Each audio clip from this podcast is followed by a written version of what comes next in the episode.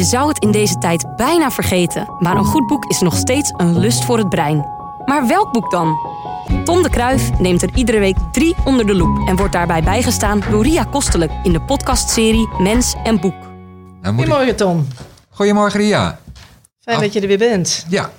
En eh, voor weer een eh, uitzending Man en Boek.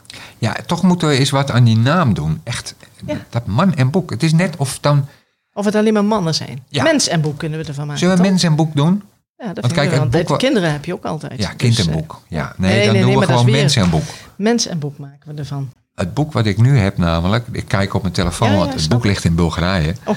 Ehm, maar ik dacht, nou, ik heb het gefotografeerd. Het boek wat ik nu lees, ehm, of wat, wat ik nu even doe... is een boek wat, denk ik, vrouwen eerder zullen lezen dan mannen. Oh. Ehm, Voor de muziek of na de muziek? Na de muziek, hè? want we doen eerst altijd de We muziek. doen eerst altijd de muziekje. Samen komen we er wel, Tom.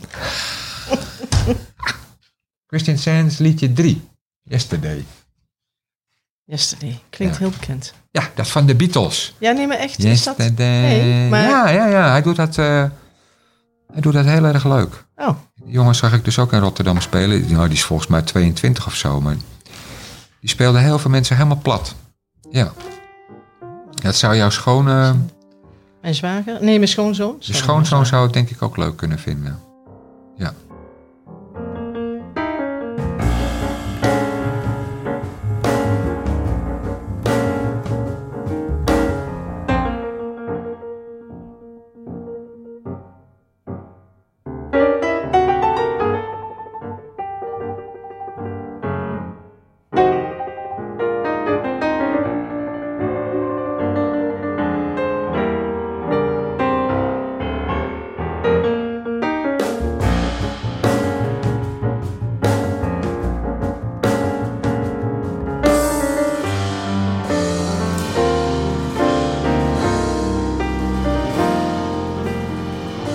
Het is het pure jazz hoor. Het is, eh, maar wat, wat hij doet is, eh, hij is technisch heel goed. Ja. Hij is nu nog, hij is te jong.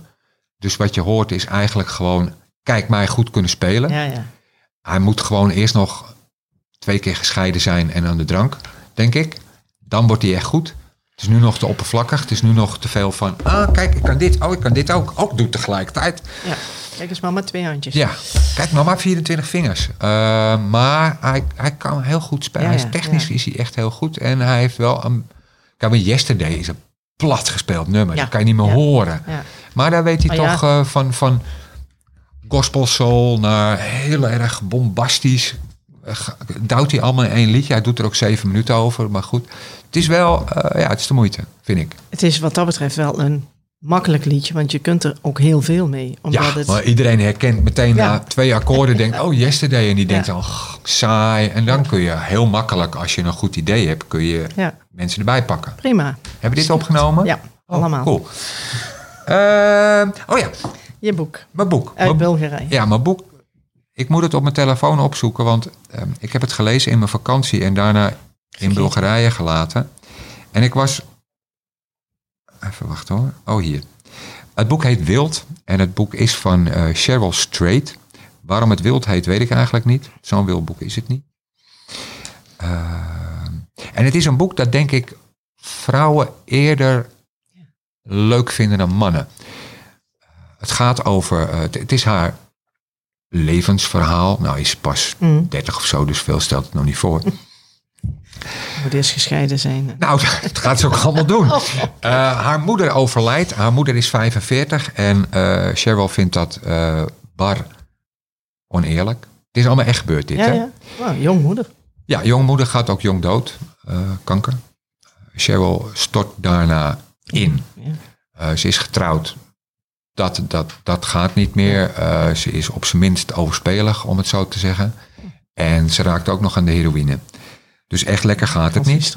Ja. Ehm, wat zij dan eigenlijk toevallig doet, is in een eh, buitensportzaak een boek oppikken over een eh, wandeltocht door Amerika. Dat heet, eh, het is zo'n trail, dat heet Ja. de Pacific Crest Trail. Die ligt in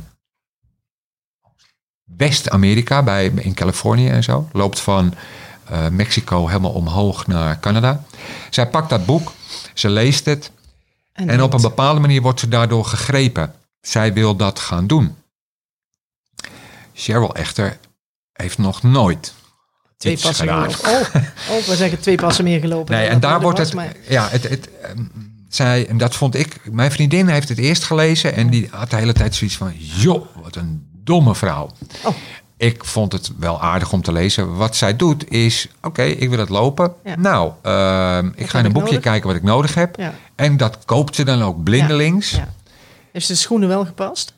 Oh, dat nog wel. Ja. maar weer niet echt lekker, want die blijken later ontzettend te knellen. oh ja, ja. Maar alles wat ze koopt, daar denkt ze niet bij na Nee. dat ze het vervolgens ook mee moet nemen. Ja, ja, ja, ja. ja. Dus haar rugzak Puilt uit. kan ze alleen maar aantrekken als ze die op een tafel weet te krijgen en daar zelf dan zichzelf Zich in doet en ja. zich dan min of meer naar voren laat vallen. Zodat ze niet meteen op de rug ligt. Ja, anders valt ze gewoon om. Ja. Dus echt, echt heel, heel slim is het allemaal niet. Het is allemaal op zijn minst ondoordacht. Eh, Wat wel moedig van haar is, is dat ze het gaat doen. Ja, het is wel een dingetje, want het is een trail van 1700 kilometer. En ze besluit dat toch te gaan doen. Ze begint eh, eh, niet helemaal. Ze begint Mhm. al gauw trouwens te smokkelen hoor. Ze begint niet helemaal bij het begin. Eh, het Misschien eerste stuk- tussendoor is een lift of zo. Nou, tussendoor gaat ze ook vrij vaak best wel dat ze denkt, nou, dit ga ik niet meer trekken. Dit is te ver. Nee, ze loopt door de woestijn. eh, wordt dan vervolgens ook best wel vlug geconfronteerd dat het. eh, ze loopt het in het eh, voorjaar dat er nog overal sneeuw in de bergen ligt, dus ze kan niet verder.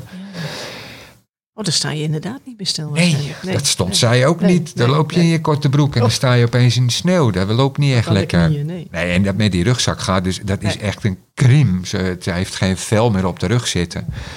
Nou, dat soort verhalen vertelt het boek. Het, het, het vertelt de belevenissen die zij heeft tijdens de wandeltocht. En het vertelt haar verwerken van de dood van haar moeder.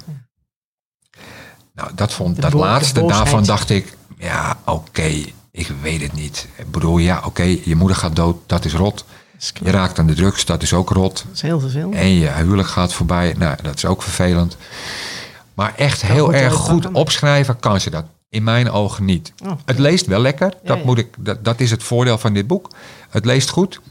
Maar echt heel bijzonder is het niet. Je leest dit omdat je eigenlijk wil weten hoe gaat het met die wandeltocht. En Ja, daar beleeft ze inderdaad. Ze komt nog een keer in een woestijn en dan zegt iemand tegen haar eh, van nee, nee, nee, verderop, daar is water. Oh ja. En dat gelooft ze dan. Ze- En natuurlijk is er geen water. Nee. nee Dus nee, dan moet ze eh, ergens in een boekje ja. zoeken en dan ziet ze nog ergens een bron en die is dan zwaar vervuild Ja, en dan moet ze natuurlijk. water weer zuiveren. Allemaal. Het is hopen en hopen ellende. En dat is best leuk om te lezen. Ja, Een beetje vakantieboek. Ja, ja, je moet het lezen als je vrij hebt gewoon. En als je gewoon... Dat je denkt, nou, ik wil even het leed van iemand anders gewoon tot mij nemen. Dan sla je die stukken niet, over ja. die moeder en haar eigen vervelende dingen. Het sla je over en dan ga je ja. gewoon verder als gaat lopen. Ze komt boeiende mensen tegen, ze komt saaie mensen tegen, grappige mensen, gevaarlijke mensen. Ja, nou ja. Ze beleeft een barre hoop onderweg. En ze maakt het zichzelf niet makkelijk met die rugzak. Nee. En dan heeft ze, kijk, want 1700 kilometer is een hele hoop. Je kan nooit alles meenemen. Dus, en dat ben ik vaker in dit soort boeken tegengekomen. Je stuurt jezelf pakketten. Oh, Die liggen dan op een bepaalde Ja, plek voor je klaar. Nou ja, daar doet ze dan ook geld in.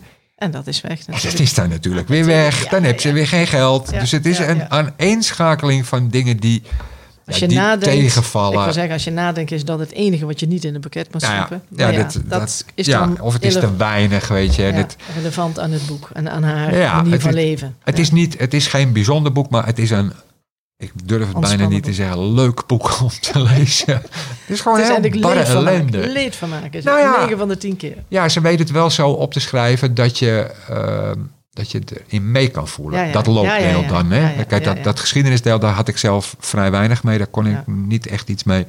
Maar het lopen en het, ook het verdwalen. En, ja, ze heeft zo'n boek bij zich waar dan in staat hoe ze moet lopen. Ja. Maar ja, dat Als is, je geen eikpunten hebt en je hebt verder geen, Nee. geen idee, dan... En echt richtingsgevoel heeft ze ook niet. Nee, Eh, en eigen. er gebeurt natuurlijk ook met dat landschap, gebeurt Ja. ondertussen Ja, ook van alles. dus dan staat ze opeens als een volledig kaal gekapte vlakte. Ja. Ze heeft geen idee waar ze moet heen moet. Nee. En dat weet ze wel goed over te brengen. Dus als je geïnteresseerd bent in hoe loopt een onvoorbereide vrouw eh, zo'n 800 tot 1000 kilometer door Amerika in slechte omstandigheden. En dan is dit echt een fantastisch boek om te lezen. Wind. Cheryl Strait, Wild. Ja, Wild. Ja. leuk. Nou, Dit is de Phillies. En het eerste liedje heet On the Roof. is wat korter bij als on the road. Ja, dat staat er ook op. Oh.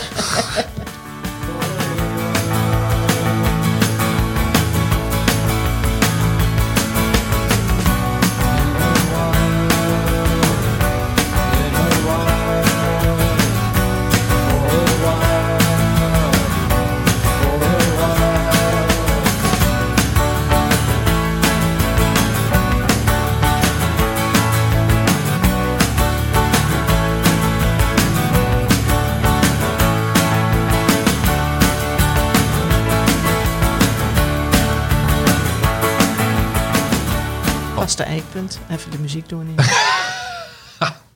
Zo, dat is een mooi bruggetje. nou, dat waren de Phillies. En ik denk dat het Ken ik On niet. the Roof... Nee? Nee. Nee, het is een heel onbekend bandje. En ze maken ook al jaren geen muziek. Ze treden niet op. Het zijn gewoon een paar mannen in Amerika. En die, die, die, die, die doen niets. Eén is- dag vlieg, vliegen? Nee, of, of, nee, nee, nee, nee, nee, ik vraag nee, het om, want ik heb nee. er nog nooit van gehoord. Dus. Ja, maar Ria, nee, kom. dat ligt niet, dat ligt niet dat ligt wel aan jou. Dat weet ik. De Phillies is een, een, een, een, relatief wereldberoemde onbekende band. Kijk, dan heb je het in één keer Je gezien. zou er allemaal naar moeten luisteren. Het, is, het lijkt een beetje op country, maar dan toch niet. Zal ik nou een Luister- boek we doen? luisteren even. Ja, dat is goed. Ehm, ik doe zoals vorig jaar ook eh, weer een voorleesding. Stukje van... Toontellige weer. Ja. Want er staan heel veel verhalen in, dus Ja. kan nog jaren Ja, nee, kunnen we deze podcast ik maken. vind het ook heel leuk. Uit het boek Iedereen was er. Kort verhaal van Toon Tellige. En voor de luisteraars die het gewend zijn, ook dit jaar ben ik mijn leesbril vergeten. Dus echt heel handig voorlezen doet het niet. Maar daar komt hij. Op een ochtend in het begin van de zomer bakte de bever, zonder reden of aanleiding, een zeer harde taart. Hij danste op de taart, smeet hem tegen de eik, beet in hem en probeerde hem doormidden te breken. Er gebeurde niets. Hij knikte tevreden, pakte een stuk wilgenschors en schreef aan de specht Beste specht, nu heb ik toch een taart gebakken? De bever. Even later kwam de specht aangevlogen. Samen met de bever liep hij om de taart heen, stapte er bovenop, pikte erin en knikte. Zeer hard, bever, zei hij goedkeurend. Ja, zei de bever trots en hij leek wat te glimmen. Ze wensten elkaar smakelijk eten, haalden diep adem en begonnen. De specht roffelde op de taart, de bever knaagde aan de taart. Ze werkten hard en kleine zweetdruppels verschenen op hun voorhoofd. Het hele bos dreunde en schudde en de taart danste op en neer. Dieren kwamen van alle kanten toestromen en keken vol bewondering toe. De hele dag vielen de specht, de specht en de bever de taart aan met alle kracht die ze in zich hadden. Stofwolken rezen op, maar niet van de taart. Tegen het eind van de dag hadden ze allebei één kruimel van de taart losgekregen. Ze lieten hem aan elkaar zien en slikten hem vervolgens door. Het waren heerlijke kruimels. Kom, zei de specht toen, ik ga weer eens. Dat is goed, zei de bever. De specht vloog weg. Het was inderdaad een zeer harde taart, dacht hij. Maar die kruimel, dat had eigenlijk niet gemogen. Morgen bak ik een nog hardere taart. Let maar op, bever. Hij lachte luid en vloog zijn huis in de stam van de zilverbeuk in. Toen het donker was, liet de bever de taart in de rivier zakken. Op de oever zette hij een bordje met een pijl erop die naar beneden wees. Hardste taart die ooit gebakken is. Zodat iedereen die daar langs liep even naar beneden zou kijken en zijn hoofd zou schudden van ontzag. En dan doen we daarna weer een liedje van Stevie Wonder. Knocks me off my feet. Is meer op mijn feet. Nou, nou ja, dat, eh, dat soort verhalen kan je ook van je voeten. Je bent Ja. echt goed in bruggetjes geworden, hè? Ja, ik heb me ingelezen voor jou. ja, ja, ik altijd van die bruggetjes. Dus, eh, nee, maar eh, Stevie is altijd... eh, Altijd mooi. Altijd mooi.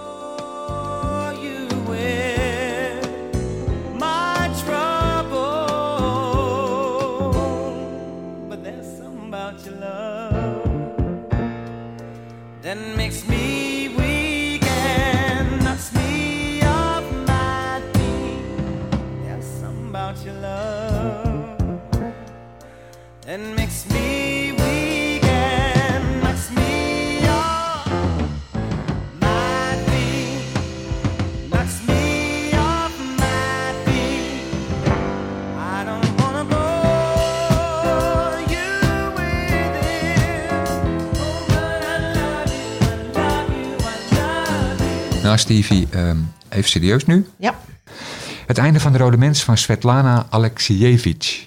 oké. Oké, wie? Eh, ze heeft een eh, Nobelprijs voor de literatuur gewonnen in 2015, dacht ik. Dat schrikt vlug af. Oeh, dat zal vast lastig zijn. Ja. Dat valt eh, eigenlijk heel erg mee. Op zich is het misschien een beetje wonderlijk dat zij ooit de Nobelprijs voor de literatuur heeft Ik gewonnen. net zeggen, kun je dat ook krijgen door eh, heel eh, leesbaar te schrijven dan? Of, zo? Nou, of, of wat wat moet je daar eigenlijk voor Nou, doen? Ja, wat je daarvoor moet doen. Nou, je kunt Bob Dylan zijn, dan krijg je ook een Nobelprijs voor de literatuur. Maar we zouden het niet meer over Dylan hebben. Dus eigenlijk kan iedereen hem winnen die een beetje leuk met taal om kan gaan. Eh, Hij is nu gewonnen door een Poolse schrijfster, wiens naam ik nog niet echt in mijn hoofd heb. En een Oostenrijkse meneer, die heet Peter Handke. Die is licht omstreden, dus dat wordt nog wel wat. Ehm, Het is weer feest. ja, de Poolse mevrouw moet ik nog wel even opzoeken. Dat klonk best interessant. Eh, maar Alexievich, want daar gaat het vandaag over. Einde van de Rode Mens. Is een eh kloekboek. En dat gaat over ehm, de Homo Sovieticus. En dat is de mens die ge- geboren, opgegroeid is in de Sovjet-Unie. Onder het socialisme slash communisme. Onder het regime. Onder het regime. Sorry, dat Ja. had ik ook. En wat zij doet is eigenlijk heel nieuwerig. Zij schrijft natuurlijk een verhaal, maar wat zij doet is interviewen. Zij interviewt heel erg veel mensen. En daar zegt zij op een gegeven moment iets over in een boek, of in haar boek. En dat moet ik even opschrijven, want dat heb ik gefotografeerd. Want hoe schrijf je nou literatuur als je alleen maar nou, opneemt? ja, nou ja, is dat- daar een kunst van? Ja, ja. Eh, zij dat wou ik je dus net vragen. Maar nou, ik ga even een stukje voorlezen. Een paar jaar later kwam ik weer in de stad N. Op verzoek van de geïnterviewde noem ik geen naam. Ik belde hem en we maakten een afspraak. Hij was verliefd en gelukkig en sprak over de liefde. Ik was er niet op bedacht meteen mijn recorder aan te zetten om dat moment vast te leggen van de overgang van leven, gewoon leven, naar literatuur. Een moment waarop ik altijd gespitst ben in elk privé of publiek gesprek. Soms ben ik niet waakzaam genoeg, maar een stukje literatuur kan overal opduiken, soms op de meest onverwachte plaatsen. Ook nu. Zij laat dus een bandrecorder, een tape recorder lopen. Eindeloze lange gesprekken voert zij. En dat merk je ook wel als je haar boeken leest. Moet soms een beetje op gang komen. Maar in de loop van een verhaal, wat soms 20, 25 bladzijden kan duren, ontstaat inderdaad wel literatuur. En het mooie van dit boek, wat ik al heel lang had, maar wat steeds naar onder de stapel eh, verhuisde, omdat ik dacht, ja, waarom eigenlijk? Ehm, is dat zij een werkelijk genadeloos, indrukwekkend verhaal schrijft, laat ontstaan over de Sovjet-Unie, hoe dat afloopt en hoe het verder gaat. Eigenlijk door de verhalen van iedereen die ze interviewt. Ja, klopt. Eh, zij laat ja, ja. anderen spreken Ja, ja. en zij kiest heel bewust die gesprekken uit die samen een totaalbeeld geven van hoe het was ja. aan het einde van de tijd van de Sovjet-Unie en de overgang naar het hyperkapitalisme waar ze daarmee te maken hebben gehad. En ik vond het, eh, het was soms zo indrukwekkend dat ik het eh, even dicht moest doen en dan Ja, gewoon de denken. dag daarna wel weer Ja. een ander verhaal ging lezen. ja, ja. Want de mensen worden heel persoonlijk. Ehm, kijk, de mensen in de Sovjet-Unie, zeker de ouderen, zijn opgegroeid. Eh, kijk, op het eind was het allemaal wel totaal verrot en het functioneerde niet. Mhm. Maar in de tijd daarvoor, onder Stalin, Khrushchev, werd er nog best leuk vervolgd, om het Oh, maar eens gezellig zeggen, te was het zeggen. toch ook verrot? Maar ja, Nou ja, lag maar Eh, welke daar dat je zijn- stond.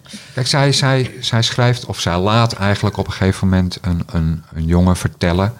eh, die helemaal aan het eind van het interview toegeeft dat hij zijn oom, die naast hun woonde, verraden heeft aan de geheime politie. Want die man had nog een koe. En zijn oom is toen afgevoerd naar de Gulag en is nooit meer teruggekomen. En die koe is meegenomen waarschijnlijk. Hebben ze ook nooit meer wat van gezien. Daar is nooit meer wat van gezien. Ja, ja. En al die persoonlijke verhalen geven een, een heel, heel erg indrukwekkend beeld van een staat die. Want dat is het ook weer het mooie van het boek. De mensen die praten, daarvan zou je kunnen zeggen, of je zou verwachten, die hadden allemaal een takkenhekel Ja. aan de Sovjet-Unie. Ja. Maar dat is dus niet zo. Je ziet soms in een verhaal waarin iemand de meest gruwelijke dingen beleeft, wordt eh, verbannen naar een kamp, Ja, ja. waar die soms vijf tot tien jaar zit.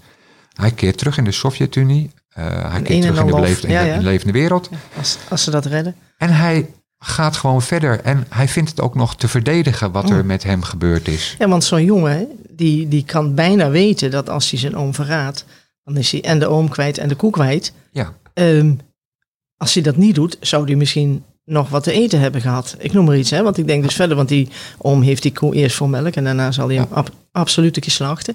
Maar dat komt dan niet in ze op. Nee, want hij heeft iets wat ik niet heb, denk ik dan maar dat, dat er gedacht wordt. Dus, nee, het, is, het systeem is dat de koe behoort aan iedereen. ja. en ja, ja, de mannen die hem nu komen halen zijn Iedereen. iedereen. Dus die koe is van het volk, dus die koe die gaat nu weg. Ja, het is echt ziet- heel wonderlijk hoe mensen daar dus echt wel in geloofden. Je ziet heel erg in het boek terugkomen een heimwee.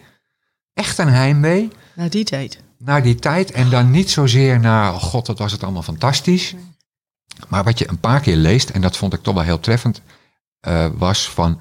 We hadden het allemaal niet zo heel fantastisch, maar iedereen was wel gelijk.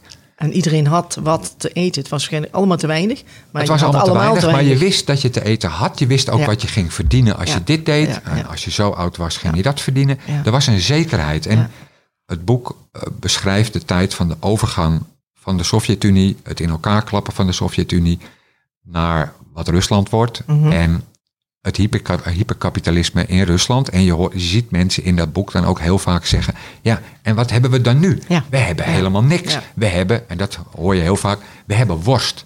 Worst is een obsessie voor heel veel mensen in dit boek. Want worst was er niet. Ja. Worst is er nu wel. Je Ja. hebt winkels vol met worst. Alleen ze kunnen het niet ze kopen. kunnen het niet kopen. Nee. Dus dat Nee. geeft dan ook weer de teleurstelling van mensen in de verandering van de tijd weer. Ehm, wat ik zelf heel indrukwekkend vond, was het verhaal ehm, van een jongen die verliefd wordt op een eh, meisje. Eh, ze verloven, gaan bijna trouwen. Vlak voor de trouwerij ehm, gaat hij met de vader van het meisje eh, naar de dacha, het buitenhuis.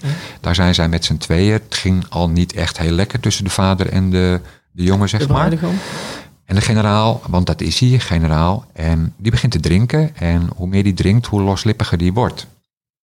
En bijna aan het eind van het verhaal blijkt de generaal in de midden jaren 30 tijdens het hoogtepunt van de Stalin-terreur eh, beul te zijn geweest.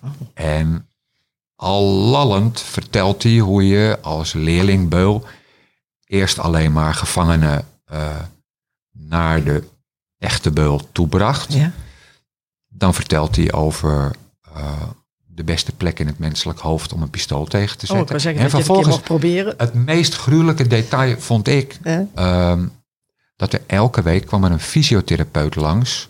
Want als je de hele dag met een revolver in een achterhoofd schiet, dan gaan je vingers eraan. Dus hun vingers werden behandeld.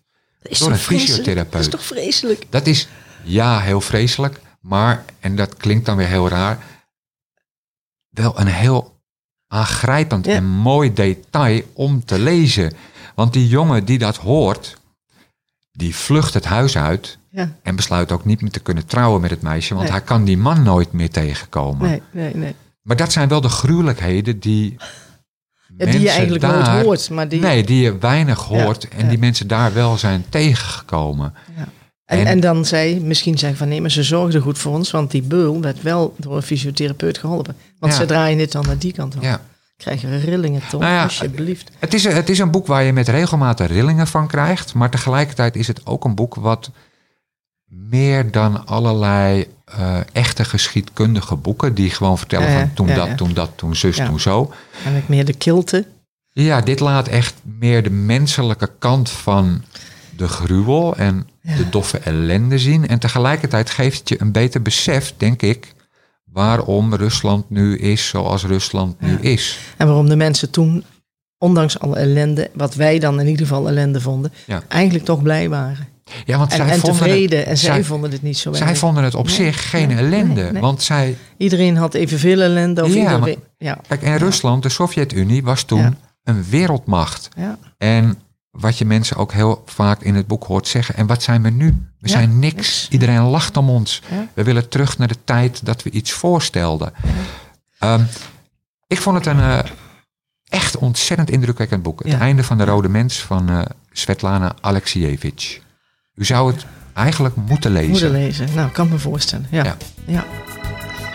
Goed. Dankjewel en tot de volgende keer. Ja, dankjewel. Ja? Tot de volgende keer.